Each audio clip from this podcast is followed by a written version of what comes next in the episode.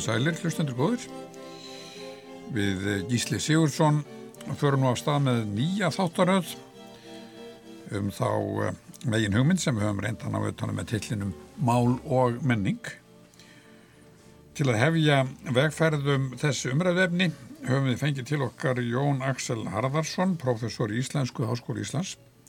en sérsvið hans er, er söguleg málvísindi. Verður velkomin Jón Axel. Já, þakka ykkur fyrir. Já, undir þessum titli langar okkur að tala um hvernig málið og menningin fléttast saman, hvernig upprunnin, sagan með öllum sínum samskiptum og átökum til okkar daga er fólkin í tungumálunum sem við tölum. Málinn geima fortíðina í sér um leiði endur spekla völd og hugmyndi fyrir tíma um hvaðina, hvað sé jákvægt og rétt og hvernig hlutinir eigi að vera þótt við séum alltaf í óvissu um hvort komi fyrst tungumálið eða samfélagi sem mótar tungumálið. Og það er ótvírægt að við notum tungumálinn sem valdatæki í samskiptum, kynja, stjætta og þjóða. Og dæmum þetta má taka af stjórnmálum og skólum, hvort sem er í samskiptum millir einstaklinga, Íslandinga, við fólk af öðrum málsamfélögum eða í átökum stórvelda á alltjóðavísu og við komum við á öllum þessum umræðu efnum í þáttunum sem eru framöndan og heimurinn hann sveiblast í rauninni fyrir áhrif tungumálsins. Og enn er það svo að valdi yfir orðuræðinni færir fólki veraldleg völd og þá rýður á að vera fyrstur að tilenga sér nýja miðla hverju sinni, hvort sem það er smáskeita týst og aðri samfélagsmiðlar, raunveruleika sjónvarp, kvikmyndatækni, útvarp, dagblöð, prentaðar bækur, svo við förum aftur í tíma, handskrifaðar, skinnhandrit eða bara munlega mælskulistin og þau sem hafa nýtt sér nýjustu aðferðir hverju sinni við að miðla tungutækinu hafa með því náða mynda nýja valdahópa sem hafa komist til áhrifa í krafti nýrar miðlunar. Og gestur okkar í dag, Jón Axel, var studenta norðan árið 1977 og tók síðan tvöfalt B.A.prófi í íslensku og latínu frá Háskóla Íslands, kendi eitt vetur í Ármúlaskóla og er hann hjælt til Freiburg, eða Freiborgar í Þýskalandi þar sem hann las indo-evrósk og almenn málvísindi á samt grísku, indverskum fræðum, latínu og norrænu við Albert Ludvíks háskólan þar sem hann laug doktorsprófi árið 1991. Og Jón Axel stundaði svo áfram kjænslu og rannsóknir í Freiburg og árið 1994 bárust fréttir hingað heim um að hann hefði fengið Max Weber verðlaun bæversku vísindaakademíunar fyrir doktorsritgerna sína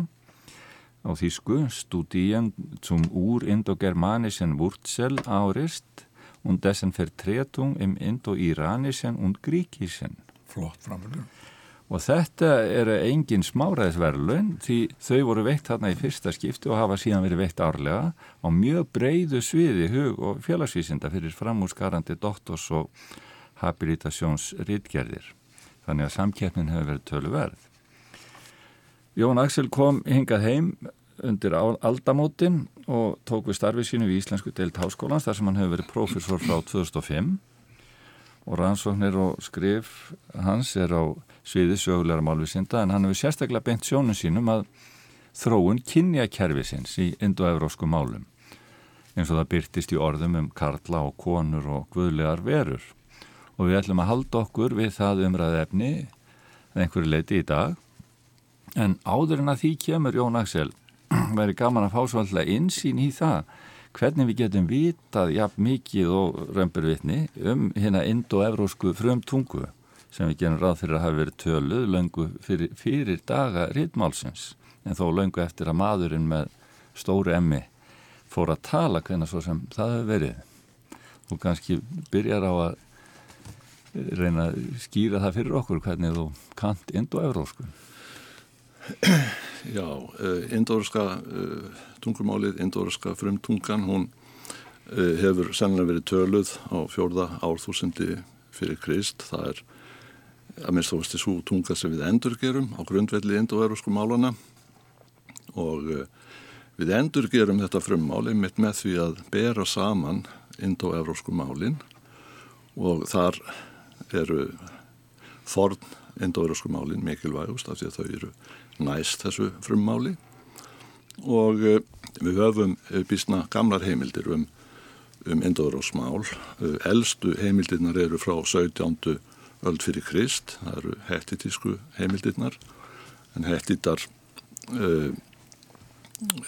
stopnuðu stórveldi í Anatóliu á, á tímabilinu frá 1600 til 1200 fyrir Krist og það eru varðveittir tekstar frá þessu tímabili og þetta eru sem sé eldstu indoverusku tekstarnir sem við höfum. Nú svo fylgja grísku tekstarnir þar skömmu síðar. Við höfum teksta frá mýkenska tímabilinu svo kallaða frá 14. til, til 12. aldar en þá líður svo menningum til lok þessi mýkenska menning og svo verður reyða í, í, í grísku bókmyndunum allt fram á áttundöld þegar Hómir kemur uh, fram á sjónasviðið og uh, nú forn indvesku tekstarnir eru líka mjög gamlir. Uh, vetabækurnar eru, eru elstar. Við tölum um vetist málstig forn indvesku og elst vetabókana er, er ríkveta og uh, það er talið að að sá texti hafi orðið til eitthvað tíman á, á, á bylinu 1200 til 1000 fyrir Krist. Og svo er uh, íranska, forn íranska uh, mál sem er mjög skilt forn indvesku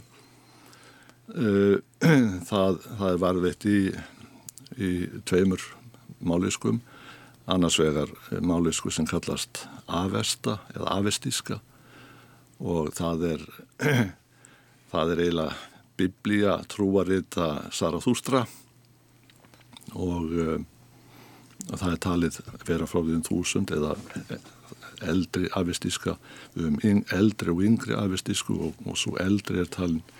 talin vera eh, frá um þúsund til 800 fyrir Krist og uh, og uh, svo höfum við forn persneskuna sem, sem, sem hérna hýna máliskuna og, uh, og þannig þetta er nú svona eldstu málheimildirna sem við höfum. Svo höfum við yngri texta uh, frá einsum öðrum málsvæðum. Til dæmis eru okkar germansku textar miklu, miklu yngri. Frum náranar rúna álitranir eru eru frá því svona um 200, eldstu álitranirnar eru frá svona ofumörðri annari öld eftir Krist og, og til svona 600, eða við greinum á milli eldri og yngri frumnorranu, frumnorrana tíðanbíl nær frá um 200 til 800 svo tekur fornorrana við. En, en gottneska til dæmis ef við höldum okkur aðeins við fórkermesku málinn, gottneska er svona eldsta máli sem vel er varðvitt það er frá fjóruðöld eftir Krist það er, er biblíu þýðing Vúlfíla Vesturgróta biskups. En þannig að þessar heimildir eru þrátt fyrir að það séu náttúrulega mjög mikilvægar þá eru þær samt mjög yngri en til dæmis hettitísku og, og grísku heimildirnar. En þær, það sem er áhugaverk kannski við forn indvesku heimildirnar þátt verið þær síðu svona gamlar eins og segir ríkveita frá því um kannski 1200 til 1000 fyrir Krist að þá voru ekki skrifaðar niður fyrir, fyrir hérna, 1000 árum síðar sko. þannig að, þannig að og reyndar hafa þessi tekstar varðist í munleiri geimdali fram fram á okkar daga þannig að þeir hafa má segja varðist eins og 3000 ára gömur segurbans upptaka Já og þannig að þá ertu að glýma við einhverju leiti sameigilegan orðaforða í öllum þessum fjölskrúðu uh,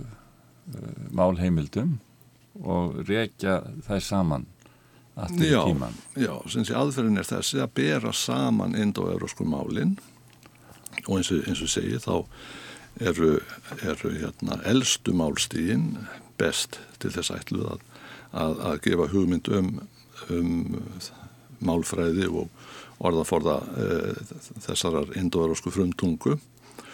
og, e, og með þessum samanburði þá öðrust við vittnesku um bæði málfræðina og orðaforðan. Þannig því að svo erum við alltaf að glýma við þetta í okkar nútíma samfélagi nýjirði og nýsköpun og breytingar og orðaforðin tekur stöðum breytingum og og að það við myndum kannski ekki komast langt með indoeurósku frumtunguna og vörum í okkar samfélagi. Þannig að það er spurning líka að hvað miklu leiti við getum rakið hugmyndir úr öllum þessum ólíku samfélagum sem að okkur þykir vera saman í gegnum tungumálin. Það er samanburðar fræði líka í goðafræðinni og, og hverskins hugmyndum um samfélag og, og hvernig við hugum líf okkar og hvernig við hugsaum um heiminn sem að tungumáli tjáir. Já. getur eitthvað En það er rétt sem hún segir. eh, orðaforðin breytist. Orðaforðin breytist sífælt uh, og, og það á náttúrulega við um all tungumál. En samt er ákveðin karni sem hefur varðist í, í, í þessum endórisku málum. Til dæmis frændsemisorðina var varðist mjög vel. Orð, orðum föður og móður og, og, og sístur og slík orð hafa varðist vel rannsóknur orðaforðum gefa vissar viðspendingar um hvernig þetta endóriska samfélag var var hérna samsett og, og, og hvert eðlis var. Um, þetta var náttúrulega karlags samfélag ferraveldi um, við sjáum við sjáum að, að samfélagið var, var þrískipt það greindist í þrjá, þrjá megin flokka og það sjáum við sem sé uh, hérna, með því að bera saman heimildir fornindveskar, íranskar, grískar, latneskar heimildir að, eh, að það var þvískipt. Eh, hóparnir voru, sem megin hóparnir voru, prestarnir, það voru þeir sem uh, þekktu og, og framkvæmdu trúalega ratafnir og, og, og gáttu ákveð hvað væri heilagt í, í samfélaginu og þar fram til göttum. Síðan voru það hermeninnir uh, sem höfðu herrvaldið og uh, á þessum tíma hafa, hafa ymsir fóringar og smákonungar verið til og svo síðast þeir sem uh, sem hérna sá með yrkja jörðina reyndar bæta greikir fjórðahófnum við uh, þar að segja handverksmönnunum. Og ennum trúalífið þá getur við sagt að, að að þeir stunduði fjölkriðist trú og uh, reyndar það svo að, að, eh, að hindu að trú og ásatrú eru mjög skild trúabröð og eiga rætur að reyka til sé, þessarar indoverosku fjölkriðist trúar og uh, Guðinni voru sem sé all margir uh, síðan gerðist það líka að ímis hugtök og, og náttúruöfl voru personugerð og og, og gerða góðlegum verum eins og til dæmis vindurinn eða eldurinn en einnig sáttmálinn eh, indverjar hafa Guð sáttmálans og, og Guð sannleikans og, og þar fram í göttum þannig að e, þannig að þetta á sér e, fornarætur. En við höfum ekkert sérsagt orð um trúarbröð í, við getum ekki sagt hvað eindorum menn kvalluðu trúarbröð síðinir eru náttúrulega mismunandi hjá hverju þjóð og en guðirnir voru voru sem sé himneskar verur. Orðið sem er grunnorðið sem við getum endurgert vel það var á indoveru sko djá og það er það sem kemur fram í seifs orðinu í grísku. Það er að segja steus dios í eignafalli og uh, ég vildi að bóra fram Zeus en uh, og, svo í latinu Júpiter Júpiter hefur, hefur uh, óreglulega beigingu í latinu eins og allir vita sem hafa lært latinu eignafallið Jóvis, Júpiter Jóvis þetta er mjög undarlega beiging en það stafar að því að, að Júpiter er, er, er gamalt gammalt vokatífus, er gammalt ávarsfall, ávarsfall. Og merkir raun og veru er eiginlega komið af djápater sem merkir og nú kem ég að því hvað þetta djá merkir já, í raun og veru merkir það fadir heiminn fadir, heiminn fadir. En sem sé þess, þetta orð djó merti hinn dagbjarta heiminn. Og svo gata líka fengið merkinguna dagspyrta og jafnvel dagur. Þannig að af þessu sama orði er, er til dæmis latnesk orði dies komið og hliðarmynd af Júpiter var diespiter þannig að við sjáum þetta. Og, eh, og hérna nákvæmlega samsörum hefur við grísku. Það er þá Tseopater og, og hérna í indvesku, forni indvesku er það Djáspita mm. þannig að þetta getur við uh, endurgerst vel. Um, þetta merti sem sé uh, híminin eða hinn hin eh, dagbjörsta heiminn. Og við sjáum það líka hjá Snorra í ettunni að hann talar um allar þessar guðlugu veru sem hann er að draga upp í gilvæginning og þær er allar á himni líka. Þannig að hann er að horfa mjög til himminsins. Jú, en svo væri kannski rétt að minnast á annað orðið þessu samengi eh, sem er mjög útbreytt í endorsku málun. Það er, það er hérna, orðið sem týr, íslensk orðið týr og tývar, guður eru komin, er, er, er komin af það, er, það var sem sé leitt af þessu djó nefnilega deyvo deyvo og þetta, er, þetta gaf sem sé þetta gaf í frumgerðmennsku tífa, stofnin tífa og af því er sem sé týr stíðskuðin kominn en hann hafði náttúrulega upprunlega ekki þetta hlutverk en, en, en svo höfum við fleistölu myndina tífar sem er ekki bara guðir og latina deus og og dývús, uh, lýsingarorðið dývús er, er, er komið að þessu og það merti þá himneskur, þetta orð merti himneskur og eða guðlegur af því að, að heiminin fekk líka þessa merkingu guð og, uh, og uh, þannig að Deivó merti bæði himneskur og guðlegur og svo þegar það var nafn gert þá var það að, að, að guðinum þannig að Deus, í raun og veru Deus og Divus komið að sama beigingardæmi en, en hérna að klopnaði sem sé tvent út frá út frá hérna uh, hljóðþróin einstakra falla. Og þannig er við kannski komin að einhverjum kjarna í valdakerfi eða hugmyndum okkar um valdakerfi í þeim samfélagum sem að frá þessu eru komin að eh, hvort sem það er þá kynja kerfið eða hugmyndir um Guð að tölum um Guðföður og, og og kynið á uh, orðunum sem við notum um goð og, og guð og, og síðan kynja kerfið í tungumálunum þetta er nú mjög til umræðu núna í sambandi við valda valda barátt og þú hefur rakið sko, uppruna þessa kyn, kynja kerfis eh, og um eitt verið að benda á að þetta er mjög málfræði eh, tengt og á sér djúpar rætur í í því hvernig málið er byggt upp? Jú, en, en uh, mætti ég kannski aðeins nefna þegar við vorum að tala um Guðina, sko, uh, að, að maðurinn hins vegar, uh, hann var hinn jarneska vera. Guðinin voru himneskir, en maðurinn var jarnesk vera. Og orðin Guðmi, Guðmi íslensku og homo, samsvara homo á, á, á latinu. Þetta eru orð sem eru dregin af uh, orðinu um jörð og upprunna voru þetta jarðarbúarnir uh, sem voru nefndir menn og uh, en svo er náttúrulega kannski líka verðt að nefna orði maður af því að það kemur nú líka fyrir ein, einmitt í umræðinum um, um þessi kynjamál og, og, og sömur á móti því að, að það sé notað í almennu merkingunni manneskja að orðið maður á sér, á sér uh, skemmtilega fórsögu. Það, það uh, í fornindresku höfum við, höf við uh, orðið mannu og, og það merkir raun maður en er einni notað um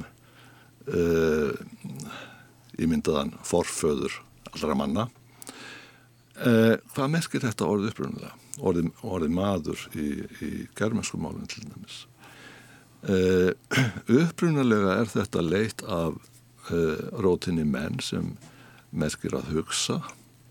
og þetta er, það, þetta er svo rót sem við höfum í til dæmis að muna og, og mynd og, og, og slíkum, slíkum orðum. Uh, upprunna var þetta sem sé gerand nafn, mono, sem merti svo sem hugsar og, eh, og af þessu orði var leitur ennstofn, monon. Og það er það sem gefur mannan á germansku og uh, í raun var þetta upprunnilega ennstofn þar að segja við höfum langt enn í, í stofni þessi íslensku sem sé mann með lungu enni. Og hitt fyrra enn er, er sem sé partur af rótinni og hitt síðara enn er, er sem sé leifar að þessu upprunnilega enn viðskipti. Þannig að, þannig að þetta er hinn hugsandi vera. Við höfum maðurinn annars vegar hinn hugsandi vera og hins vegar hinn jarneska vera. En þú spurður um kynið. Uh, í indoeurósku þá voru kynið þrjú. Að minnstakosti í þeirri indoeurósku sem sem uh, lang flest indoeurósku málin eru komin af. Uh, það er svolítið umdilt uh, hvort anatólisku málin með hettitísku sem alfulltrúa hafi haft kvenkin eða ekki er nefnilega svo að, að, að þrátt fyrir að, að þessi mál, anatólisku málin komi svona snemma fram í heimildum að þá höfðu þau einfalt kynjakerfi. Þau höfðu bara tvískipt kynjakerfi þar að segja samkyn og hvorkyn eða genus kommuni eh, anspænis eh, genus neutrum eins og það kallað. Eh, nú er spurningin að við höfum kvenkinn utan anatólisku málana hvort að kvenkinn hafi, hafi verið til á fórsögulun tíma einnig sé, á fórsti í anatólisku málana eða ekki, hef, hafa anatólisku mál glatað kvenkinu er svolítið, þetta er svolítið umdelt það er annað, margt annað sem kemur óvart í, í þessum anatólisku málum og það er að, að að tíðakerfið, sagnkerfið er miklu einfaldara enn í málum eins og forn indvesku og, og grísku eða ég byrja latinu. Tíðirnar er hans tvær, nútíð og þáttíð og, e, og hættirnir einungist tveir, þannig að framsúháttur og, og hérna bóðháttur. Það er engin vitingarháttur, engin óskháttur og e, það er nú alveg örugt að, að, að þessir hættir hafa glatast í, í anatóriskum málunum. Þannig að það er spurning hvort að hvenkinni hafi ekki gert það líka. Ég hef nú tilhert þeim hópi manna sem eh, sem hafa gert það fyrir því að, að anatórismál heiti tíska eh, og, og annur anatórismál hafi glata hvenkinnu það eru það eru vísbendingar eh, um tilvist þess í, í þessum málum mjög fáar en, en, en það koma þó fyrir vísbendingar uh, eins og til dæmis í hætti tísku höfið, uh, höfið tölu orðið síja upprunna var sem sé var, var það tölu orðið einn það var sem og þetta verður að, að henni grísku en kvenkinnið er mýja í, í grísku og það er orðið til að smýja og og í hettitísku höfum við síja og það eru fræði menn sem gerir ráð fyrir því að, að þarna sé einmitt hinn gamla uh, kvenkinsmynd varðveitt. Þar að segja þeir gerir ráð fyrir því að, að í aukaföllum þar sem við höfum smjá eða smjach sem verður að, að, að mýjas á, á, á grísku að þar hafi emmið horfið milli S og jóð og smjach hafi orðið að, að, að sjach og það hafi síðan leitt í síja og síðan má nefna að í líkísku líkísku sem er eitt eh, þessar antólusku mála, þar höfum við viðskiptið A í í hvern eh, í nöfnum sem standa fyrir hvenlega eh, verur eins og til dæmis dóttirinn er er hérna kbatra orðið til úr úr stofni, sama stofni og við höfum í, í, í, í því kater og, og dóttir í íslensku en þar hefur sinns í þetta þessi stopp fengið A viðskeiti og það veitum svo vel til að í þessu máli þá, þá getum við aðgrent sinns ég e, gamla sérflöðið O sem við höfum í kalkinsorðum og verður að E og svo A langt A sem að sem gefur að í þessu máli. Þannig að það eru svona leifar af þessu vísu ekki margar. En uh, þannig að ég hef tilert þeim sem uh, gerir áð fyrir því að að hvengin hafi glatast í, í þessu málum. En hins vegar er það svo að í eldri indo-euróskul var kynjakerfi tvískipt. Þannig að við höfðum þar samkinn anspænis kúrikinni mm. og og það á uh, rætur að reyka til enn eldra kervis uh, það sem aðgreiningin var sem sé já, við getum kallaða animata uh, versus inanimata þar að segja orð sem táknaði lifandi verur eða, eða minnst ástu það sem enn gáttu ímynda sem sem gerendur. Og svo hins vegar orð sem táknaðu dauðar hluti og og hérna en í enduröskum málum þá fælst þessi anstaða í því að, eh, að eh, nefnifallið nefnifall samkynns það eh, hafði endinguna S sem sé í nefnifalli endölu var, var endingin S. Og þessi ending kemur aldrei fyrir í, í hvorikinsorðum og það verður best skýrt með því að, að, að hvorikinsorðin stóðu einmitt upprunlega fyrir uh, orð sem táknuðu döðar hluti eða minnst þóst eitthvað sem menn gátt ekki ímynda sem sem gerendur og fengu þar að leiðandi aldrei þessa, þessa, þessa endingu gerenda. Þær, þær komi ekki fyrir sem gerandi. En, en það er eins og er umdel hvort að forstig uh, þessa máls var uh, svo kallat ergatíft eða, eða aktíft uh, forstig. En aðlatrið þetta syns ég að, að gerandin var táknað með essi og það sem, það sem hérna korrikinsorðin voru ekki hugsun sem gerendur að, að þá fengu þau aldrei þessa endingu. Og það er líka annað að, að þau sko hafa enginu þeirra er að hafa sömu myndi í nefnifalli og þólfalli En svo greinist uh, ja, kvenkinni þrá. Þá þessu kallkinni sem er ja, yfir, yfirkinnið og þú hefur verið að leggja áherslu á það í þínum skrifum að þetta sé sko ekki uh, kynbundið heldur sé þetta mörguleiti uh, málfræði legt kerfi sem að megi ekki kenna eða tengja of stert við þessi lífræðilegu kyn sem að okkur er svo tamt að tengja, Já, tengja það, við þetta það verður náttúrulega greina, eh, greina á milli sko lífræðilegskynns og, og, og málfræðilegskynns þetta er, er tvent ólíkt og og samband sko málfræðilegskynns við, við líffræðilegt kyn til dæmis í íslensku er, er, er takmarkað. Þannig að, að en það má kannski nefna að í samvæti við þetta sko að, að, að kynin voru uppaflega aðeins tvö þar að segja samkyn, samkyn uh, og, og kórikyn við höfum uh, marga leifar um þetta líka í íslensku sko, ef, ef við hugsaðum frænseimisorðin ef við fadur og móðir þá mm. beigjast þau náttúrulega nákvæmlega sama hátt. En fadur er kallkinn kallkinnsorð en, en móðir kvenkinsorðin beigjingin er, er nákvæmlega eins. Og, og sömulegið sýstir beigist, uh, beigist á, á, á sama hátt. Og, og þetta eru sinns í leifar þessa ástands að það var engin orðlutafræðilegur munur á á hérna, orðin sem táknuðu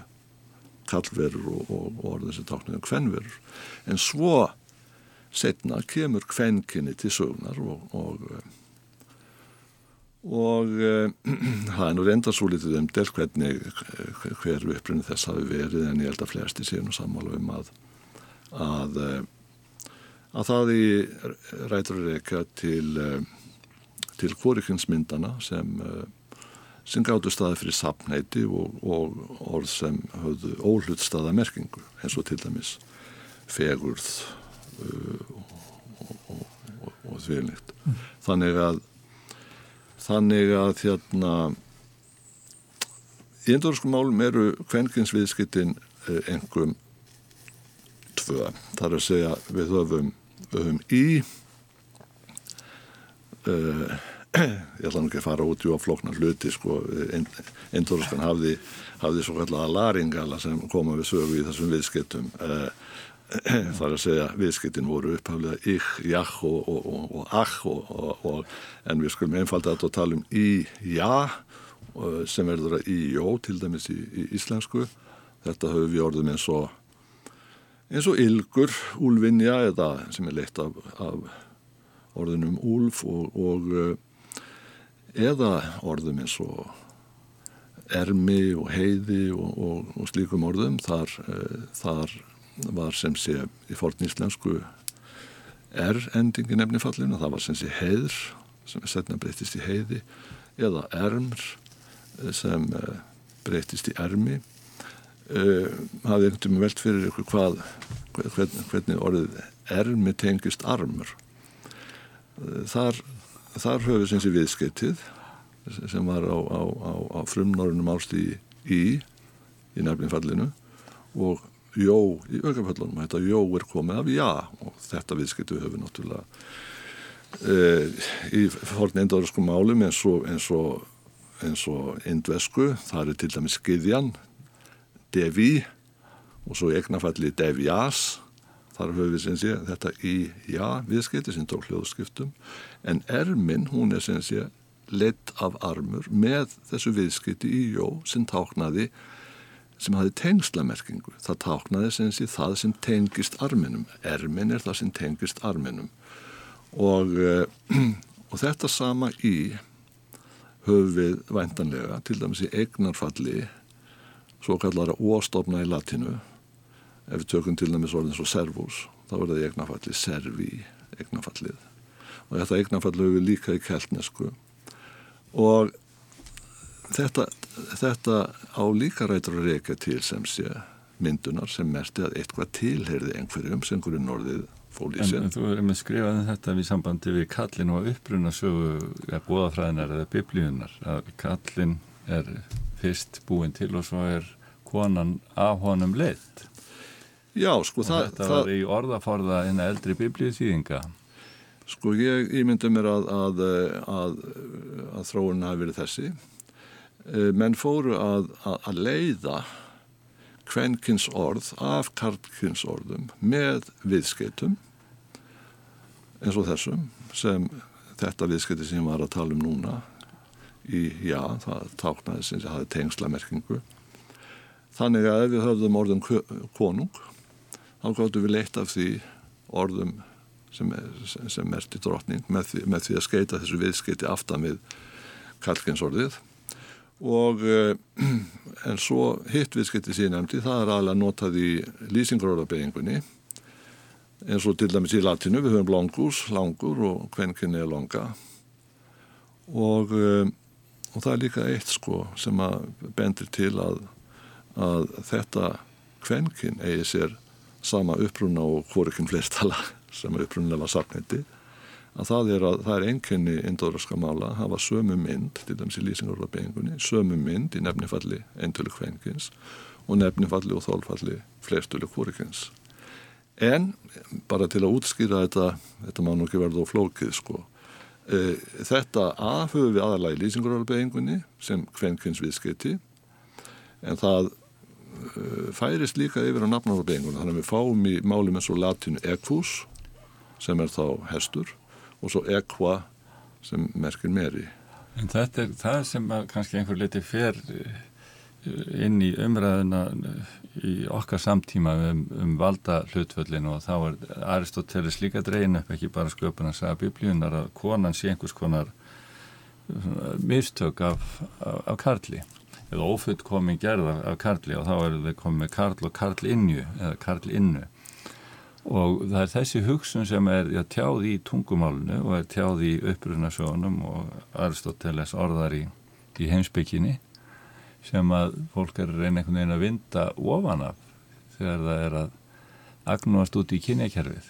Er það ekki? Og það er nokkuð laung saga sem þarf að fletta við til þess að ná því. Jú, það er rétt. Ég að þú vísa til þess að að Eva hafi verið sköpuð af Rifi Adams og og, og og í hebræska tekstan með þetta nefnt þannig sko að, að, að, að hún skal hún skal hérna Ísa uh, heita af því að hún var af Ístekinn og þetta hefur verið þýtt þetta hefur verið þýtt uh, þannig sko, Lúter þýtti þetta þannig hún skal mennin heita því að hún var af manni tekinn og uh, til að ná þessu, til að ná uppruna hugsunin hérna best, þá væri sennilega eðlilegast að þýða þetta á íslensku þannig, hún skal Karlinja heita, eins og þetta hefur nú verið þýtt eða Karlinna. Hún skal Karlinja heita af því að hún var af Karli tekin. En þegar þetta er þýtt, sko, hún skal Kvenmaður heita af því að hún var af Karlmanni tekin, þá finnst mér þetta að missa svolítið margs, þar sé þessu upprunlega hugsun. En það er rétt, þarna er þetta er þá gott dæmi, Karlinja er þá gott dæmi um það að um kvenkinsorð sem, sem uh, leitir af katkinsorði. En uh, þið veitir náttúrulega í þýsku hefur verið mikil umræða um þetta. Og það er alveg mikil áherslu á það að nota kvenkinsviðskiptið inn og stjórnmálumenn leggja, leggja þetta mikla áherslu að, að, og til að hvern gera, hvern gera þau, þær sem að byrja þann, þá þess að karl Já, þannig að, þannig að áherindur uh, þannig, þannig að þannig að hvenkins áherindur uh, hafð þá tilfinningun að að uh, þeir sé ávarpaði líka sko, mm. þá, þá segja þíski stjórnmálumenn yfirlega sko lípi liebe Zuhörerinnen und Zuhörer eða liebe Mitbürgerinnen und Mitbürger og, og þetta það er sem sé lögð áherslu á þetta. Uh, en uh, í raun og veru er það þannig að uh, með, því að með því að nota þessi viðskipti, hvenskins viðskipti svona óspart þá er náttúrulega líka þá kemur svo skýrlega fram að kallkinnið er grunnorðið sem kvenkinnið er leitt af. Þannig að það breytir því ekki að kallkinnið er eins og einn góður uh, málvittamæður uh, frak, frakkin uh, Benvenist orðaði eins og að, að kallkinnið væri sinns eftir að kvenkinn kom til sögunar þá væri kallkinnið genre normal. Þannig að í ómarkað við tölum um, tölum um það í dag sko að kvenkinn sé markað kakvart gagvart hérna kalkinni sem er ómarkað og það fyrir töðunar og mörgum sem sé að, að, að kalkinnið eins og það var frá fornum fari sé, sé, sé notað sem sé hlutlusir merkingu þar að segja að, að sá sem trúur á mig eða sælir fátækir það eru sumið sem ímynda sér að þetta getur ekki vísa til hvenna sko. þetta... þá, þá er, er þá ekki einmitt sko, hugmyndin svo að vera að vísa til þess að þarna er eh, gamla indo-evróska feðraveldi sem að þú varst að teikna upp að þarna er það lifir það áfram í tungumálun já, já, já, það lifir áfram. Og uh, nei, ég skil vel að að, að ymsir vilji vilji taka, taka upp sem sé eh, hvorkinn flertölu Uh, í germarsmálinu nú eh, sko takk upp hvorkinn flertuli þegar vísaði til bæði hvenna og kalla germarsmálinu er svolítið sérstöku þessu leiti meðal indóðarska mála að þegar vísaði til kalla og hvenna að þá sé, í, í, í, í fornöfnum og í lýsingarorðbeigingunni að þá er, þá er uh, hvorkinn flertulu notað. Þar að segja þar að segja Jón og Gunna. Þau gera eitthvað ekki, ekki sem sé þeir. Sko í flestum indórskum málum uh, væri satt sko þeir. Mm. en uh, germjömsmál hafa þetta. Og ekki bara íslenska heldur hafðu öll fólkgermjömsmál þetta sem sé gottneska hefur þetta líka. Þegar talaður um Jósef og Marju þá er það sem sé þau. Það er, er, er korkismyndin sem er sem er notuð. Og uh, ég skil vel að, að, að menn vil, vilji útvika þetta. Hins vegar, hins vegar eh, er ég á móti sko pólitíski málstýringu. Mér, mér finnst að, að við getum alveg samþygt að að kallkinn hafi þessa hlutlusu merkingu. Það getur líka beinleginis verið villandi og maður tekur nú eftir því á, á þessari stofnun að það veriðist einhver svona pólitíks málstýring verið í gangi með stóðst og fréttastofinni að það er gríðarlega áherslu lögð á uh, þessa nótkun Kvorikins flerstölu einu sinni heyrði ég einu sinni eh, sá á, á VF uh, Rúf sá ég frétt um það að fjögur hefðu verið handikinn í Berlín grunuð um að undirbúa hriðverka árás og þetta fannst mér nú uh, forveinilegt uh, það var vísað til sko þýsks fréttamiðir það sem, það sem væri hægt að, að lesa lesa hérna sinnánar til um þetta. Og uh, og ég gerir það. Og þá er það fyrsta sem blasir við fjö menna votin ferskinómin þegar sagt er á íslensku fjögur voru handtekinn þá, skil, þá skilja allir venjulegir íslendingar þetta þannig að þetta veri blandaðar hópur ef hins vegar ekkert er vitað um samsetningu hópsins þá áöðvitað að segja eins og alla, alla tíð hefur verið gert segja fjórir voru handteknir. En er ekki, sko nú hefur þú líst í hvernig í rauninni þú getur lesið menningarsöguna eh, með rakiðig aftur í gráa fornesku og, og, þar, og við hefum fengið að heyra í rauninni hvernig þú nærðið allt svo ekki bara sögu tungumálsins heldur hagsögunni og, og þessuna hverju sem er en á okkar dögum þegar menn hafa aðgangað öllum þessum upplýsingum er þá ekki eðlilegt að, að menn vilji taka máli, taka þróunin í sínar hendur. Fyrst að hægt er að segja þau að þá, að þá vakni áhuga á því. Burt sér frá öllum, hvað að segja, lögmálum tungumálsins. Já, en sko, ef þú ætlast í þess að aðlið ísnindingar þekju upp þetta málfar og þetta er eiginlega engum tamt, mm. þá, þá, þá er þetta málstýring og flestir málfræðingar eru á móti, hafa verið á móti málstýringu eða allri forskriftar málfræði og uh, þarf að segja er þetta ekki bara eins og með annað að, að það er uh, ef að fólk vil breyta þessu þá breytist það, það mun ekki breytast vegna þess að, að yfir lauruglustjóri mállauruglunar gefa út fyr, fyrirskipunum þetta eins og það er líka annað áhugavert dæmi um svona málstýringu sem að þú rækja að það er með kynið á orðinu um, eða orðum um Guð Já. og góð Já. að þetta er e, breytir um kyn við kristnitöku hér orðið sem notað er og Já. það er mitt tengist hugmyndafræðinni og ja, það er að veldi kirkjunar og, og heiminum sem að kristnin býr til í kringum sinn Guð Já. þannig að þar má segja að þar er kynbundin málstýring sem að breytir tungumálunum Já, þetta er nú Já, þetta er nú uh, svo litið annars eðlis. Sko, já uh, okkar orð Guð var upprunnulega hvoriðsorð og það er merkilegt út af fyrir sig.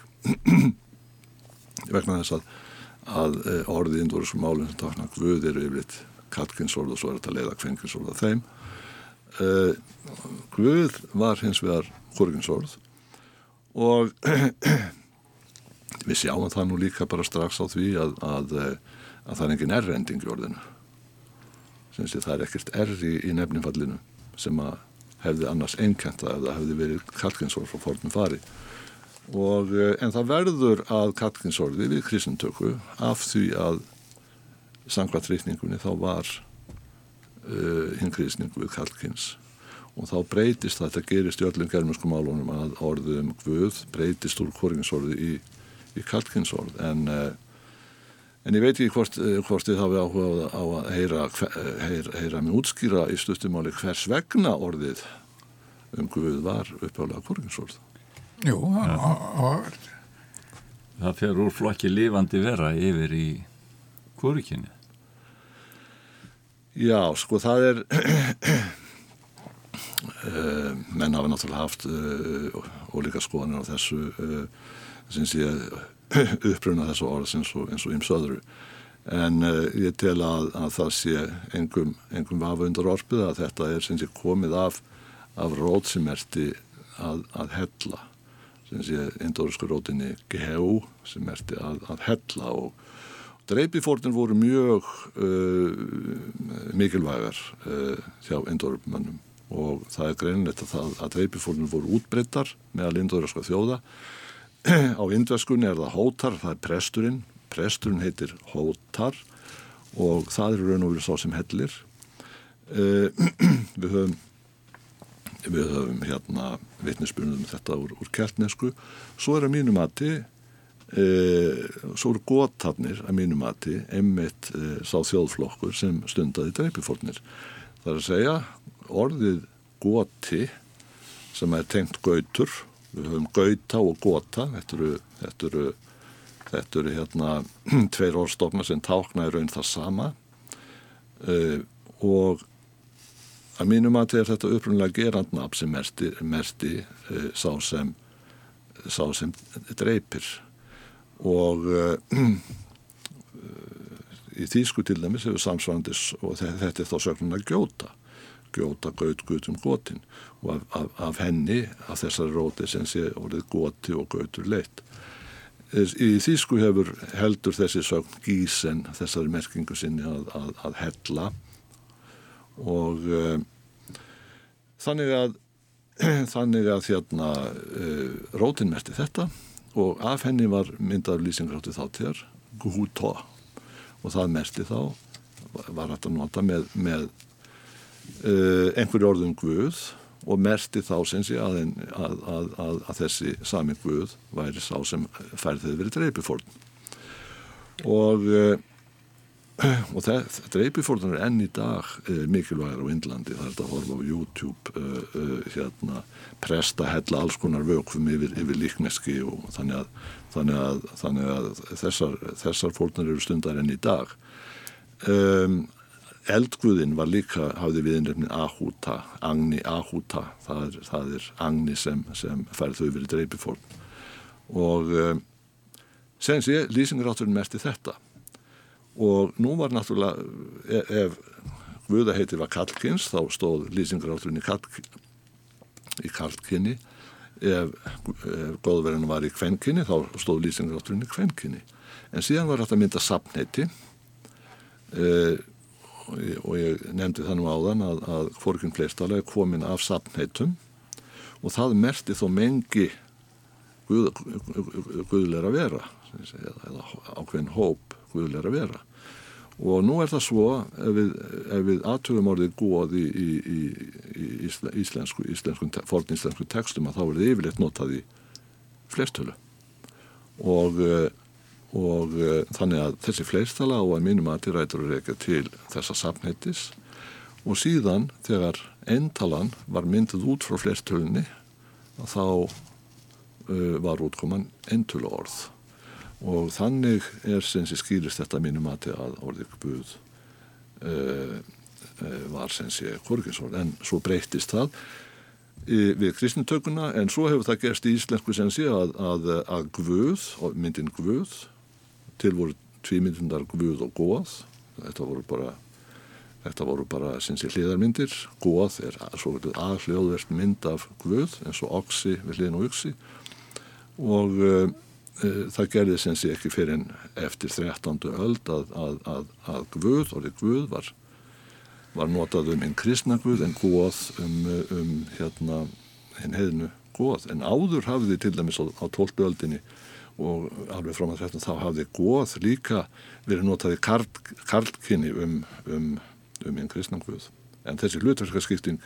kemur sem sé eftir 13. öldina Og nú erum við komin skrefinu fjæra, það er Guð, Guð hún, þannig að það er aftur, er, er þetta lend í Guðfræðilegri. Það er nú bara í hvennakirkjunni. Já, já, það, já, það er þessi kynjapólitík að hún finnur sér þarna, já, brennipunkt í orðum að þessu tægi og, og orðnótun því að eins og þú ert búin að reykja fyrir okkur þá koma orðin alltaf upp um hugmyndirnar sem undir liggja og við getum rækið aftur hvort sem þær eru uh, pólitískar eða, eða menningar tengdar öðru leiti þannig að ég held við sem komum komum með góðan grunn hér undir undir þáttaröðum mál og menningu þegar við höfum kafað svona langt aftur. Já, þetta var bara kæra þakki fyrir þetta að leiða okkur í þetta ferðalagi aftur í tíman, aftur og fram. Jón Axel Harðarsson, professor í Íslensku áskul Íslands. Bestu þakki fyrir komu Þakka sem við erum